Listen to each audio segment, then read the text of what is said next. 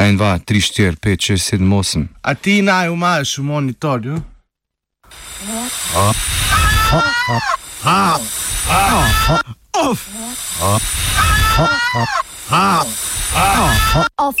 Side.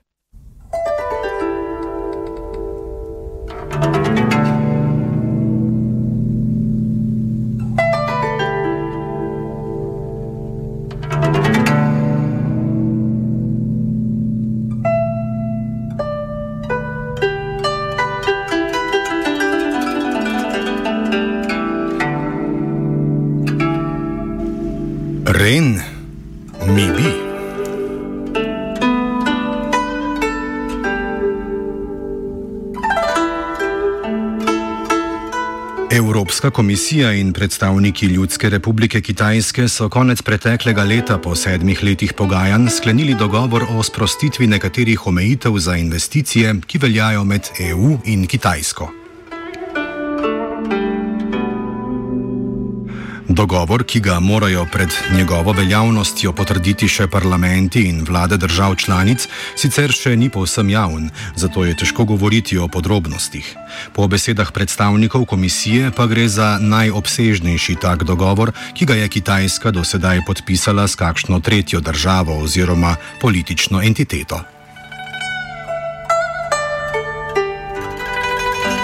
Evropska podjetja naj bi od sedaj naprej lažje vlagala na področjih zelenih avtomobilskih tehnologij, oblačnega računalništva, zdravstva in predvsem v finančnem sektorju. Po drugi strani naj bi kitajska podjetja dobila lažji dostop do določenih novih tehnologij na področju trajnostno vzdržne energetike. Pri tej primerjavi je ključno upoštevati, kot pravi Zorana Bakovič, strokovnjakinja za Azijo in dolgoletna dopisnica iz Kitajske pri časopisu Delo, da je bilo dosedanje stanje dostopa do trga izrazito asimetrično. Kada kineski investitor dođe u europsku zemlju e, sa svojim kapitalom, e, on e, može investirati u praktično u bilo koji sektor i gotovo u bilo koju kompaniju sa kojom je postigao sporazum o tome. Ne postoji nikakva institucija koja provjerava da li je ta investicija štetna po nacionalnu sigurnost, da li uznemirava konkurenciju na domaćem tržištu ili možda ugrožava domaće proizvođače. Drugo, nitko od kineskog investitora neće tražiti da svoju tehnologiju koju će donijeti sa svojim investicijama, ako će je donijeti, odmah mora razotkriti i dat zabadava kompaniji u koju investira. I treće, način na koji kineski investitor u Europi raspolaže s profitom koji na europskom tlu ostvari je reguliran onako kako se to uh, odnosi i na svakog drugog europskog uh, investitora, odnosno europsku kompaniju. Zato je težko govoriti o recipročnosti sproščanja omejitev, ker te v veliki meri ne obstajajo. Kada pak evropski investitor dođe u Kinu, onda uh, on ima uh, masu ograničenja. Prvo, vrlo često kompanija, odnosno partner sa kojim je ušao investicijski projekt, zahtjeva da on odmah daje svoju tehnologiju. Dakle, to je na neki način ucjena da se može investirati samo ukoliko se tehnologija pokloni e, kineskoj strani. Drugo, e, bez obzira što Kina ima relativno povoljne E, zakone o oporezivanju e, stranih investitora, vrlo je striktna kada se radi o korištenju profita. Profit se ne može iznositi izvan Kine osim po određenim vrlo kompliciranim uvjetima i e, propisima uglavnom se mora reinvestirati opet u Kini polja u kojima se i sektori u koje se može investirati su do sada bili ograničeni neki potpuno zatvoreni za strane investitore i naravno e, e, sve je to davalo e, nesimetričan odnos između jednih i drugih. Ker končni dokument še ni javen, je težko govoriti o točnih zmagovalcih dogovorjenega sporazuma. Ne glede na njegovo vsebino, pa Bakovič opozarja, da bo verjetno najbolj dobrobiten predvsem za največja evropska gospodarstva. prije svega mi ne znamo dovoljno, pregovori su trajali sedam godina i u ovoj finalnoj fazi nisu bili dovoljno transparentni i mi ne znamo dovoljno što je, na što je sve Kina pristala. Ono što čujemo da je, je na primjer da je pristala otvoriti financijski sektor E, za europske investitore. To će se više naravno odnositi za velike zemlje koje imaju snažne financijske firme e, koje će ulagati u otvarati tamo banke i ulagati u taj, u taj dio.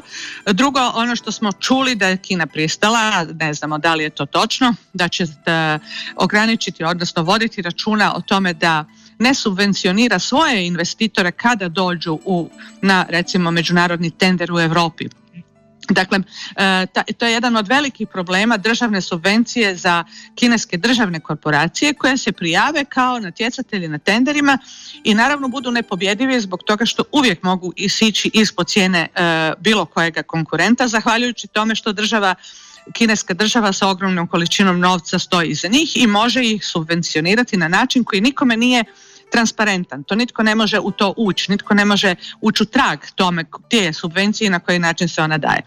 E, Kina je mogla to obećati. Možda će to i potpisati, da se razumijemo, taj sporazum nije još potpisan. Biće potpisan tek za godinu dana. Međutim, e, ako je e, sporazum potvrđen od strane samoga partijskog i državnog šefa Xi Jinpinga, onda je vrlo jasno da je Kini vrlo stalo da se taj sporazum potpiše i vrlo će vjerojatno Kina napraviti neke od tih e, kompromisa koje je obećala da bude napravila. Kljub določenim sprostitvam pa ni pričakovati, da se bo Kitajska močno oddaljila od nekaterih svojih temeljnih gospodarskih zahtev, ki se jih morajo držati tuja podjetja na njihovem ozemlju. E, da li će se ti kompromisi e, da li će oni biti dovoljni, da li, da li će oni biti e, samo fasada iza koje će se opet provoditi kineska praksa, trenutno što je teško reći. Kina definitivno neće odustati od toga da njeni glavni investitori budu državne korporacije, a ne privatne.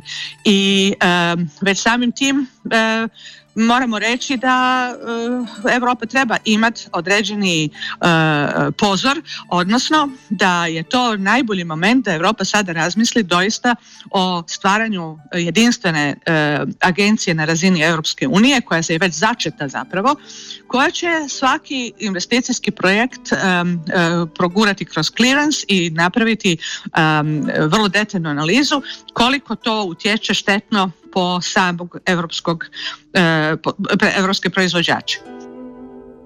A prav navidezna hitrost, s katero je pogajalcem končno uspelo streti prej sedem let nepremagljiv oreh, da slutiti, da znaten interes za dogovor obstaja na obeh straneh.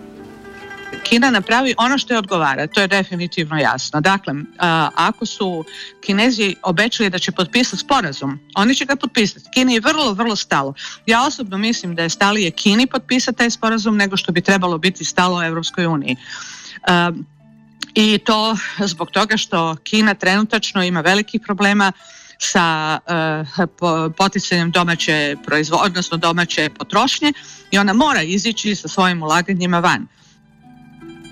Kitajsko gospodarstvo bi namreč brez evropske in ameriške potrošnje hitro zašlo v težave, zato si Kitajska preveč zaprtih gospodarskih odnosov s svojima dvema free enemijema ne more privoščiti. Kljub temu pa Bakovič opozarja, da se v kitajskih investicijskih projektih lahko skrivajo pasti, ki so za manjše države lahko pogubne. Kina je bila silno zainteresirana razvijati uh, hrvatsku uh, luku u Rijeci, i napraviti željeznicu od Rijeke do Zagreba. Jel?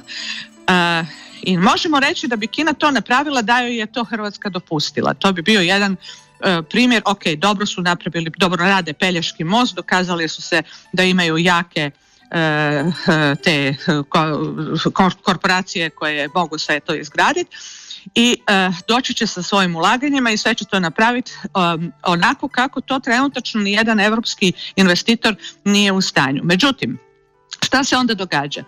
E, Kina uzima koncesiju na tu prugu i zapravo ta pruga počinje ovisiti o tome koliko će robe Kina voziti od luke do kontinenta. I samo o tome koliko će robe Kina voziti ovisi da li će se taj investicijski projekt isplatiti ili ne. E, pri tome zemlja domaćin ulazi u jedan dio E, isto tako financijskih obaveza koje također može isplatiti samo pod uvjetom da Kina svoju robu vozi onako kao što je planirala voziti. Imamo slučajeva po svijetu, jedan od njih je u Šrilanki, drugi su na drugim mjestima, gdje je Kina u trenutku kada je napravila infrastrukturni projekt sa svojim investicijama, jednostavno obustavila e, e, ono što je rekla da će raditi, to je transport robe. To je sad drugi sektor. Nitko ih ne može optužiti za to. Nekoliko zdravorazumske skepse in previdnosti je tako pri podobnih podvigih vedno dobrodošla. Sploh če upoštevamo že prej omenjeno dejstvo, da je sklenjen dogovor zrasel predvsem na zelniku evropskih velikanov. Velike financijske kuće, e, njemačke osiguravatelji, njemačke banke, e, francuski također, su bili odavno već zainteresirani za ulazak na kinesko tržište koje im je bilo zatvoreno. Da se razumijemo, kada govorimo o ključnim točkama ovoga sporazuma, one će donijeti privilegije, odnosno beneficije, ne privilegije, prvenstveno velikim europskim državama, odnosno velikim vođama Europske unije, a to su u ovome trenutku Njemačka i Francuska. Možda nešto još uh, Italiji i, i, i ne znam koga bi drugoga uopće mogli tu izdvojiti. Dakle, um, prije svega je to projekt koji je u interesu dvije velike europske sile. Uh, kada govorimo o malim državama um, može biti koristan u obrnutom smjeru, a to je za prijem kineskih investicija, s tim što će naravno male države i, i sa ovim sporazumom ponovno biti u situaciji da se lome između svog strateškog položaja koji treba biti ujedinjen i usaglašen sa Europskom unijom, a to znači ne puštati Kineze na strateški važne projekte i svog interesa koji kaže a ako ne pustimo Kineze ko će nam te projekte razviti. Zato ne preseneča, da sta se za pogovor najbolj potegovali prav dve največji evropski članici. Mi smo imali u ovom trenutku dvije točke, odnosno dva, dvije osobe kojima je bilo jako stalo da se taj razgovor obavi prije e, 1. januara 2021. E, sa e, kineske strane je to Xi Jinping, sa europske strane je to bila Angela Merkel. E, jer je to njezin E, to nosi njezin potpis i ona je bila ta koja je prije svega daleko više nego Emmanuel Macron e, gurala da se taj sporazum ipak finalizira.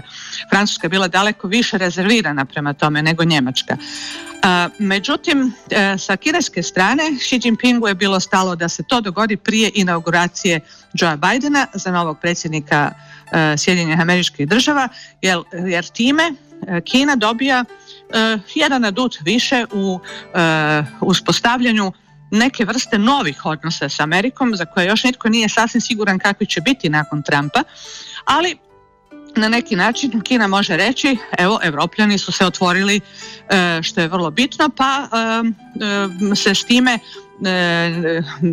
delomično radi pritisak na Bajdena da u prvim koracima prema Kini ne nastavi oštru politiku. Glede na to, da običajen Evropej hominem vulgaris vsaj kratkoročnih posledic dogovora verjetno ne bo čutil, pa je prav ta geostrateški aspekt morda najbolj pomemben. Vprašanje, ki si ga bomo lahko postavljali v naslednjih mesecih in letih, je, ali so spremembe v razmerjih moči v tandemu z napakami prejšnje administracije končno povzročile dolgo napovedane premike v največjih globalnih zavezništvih.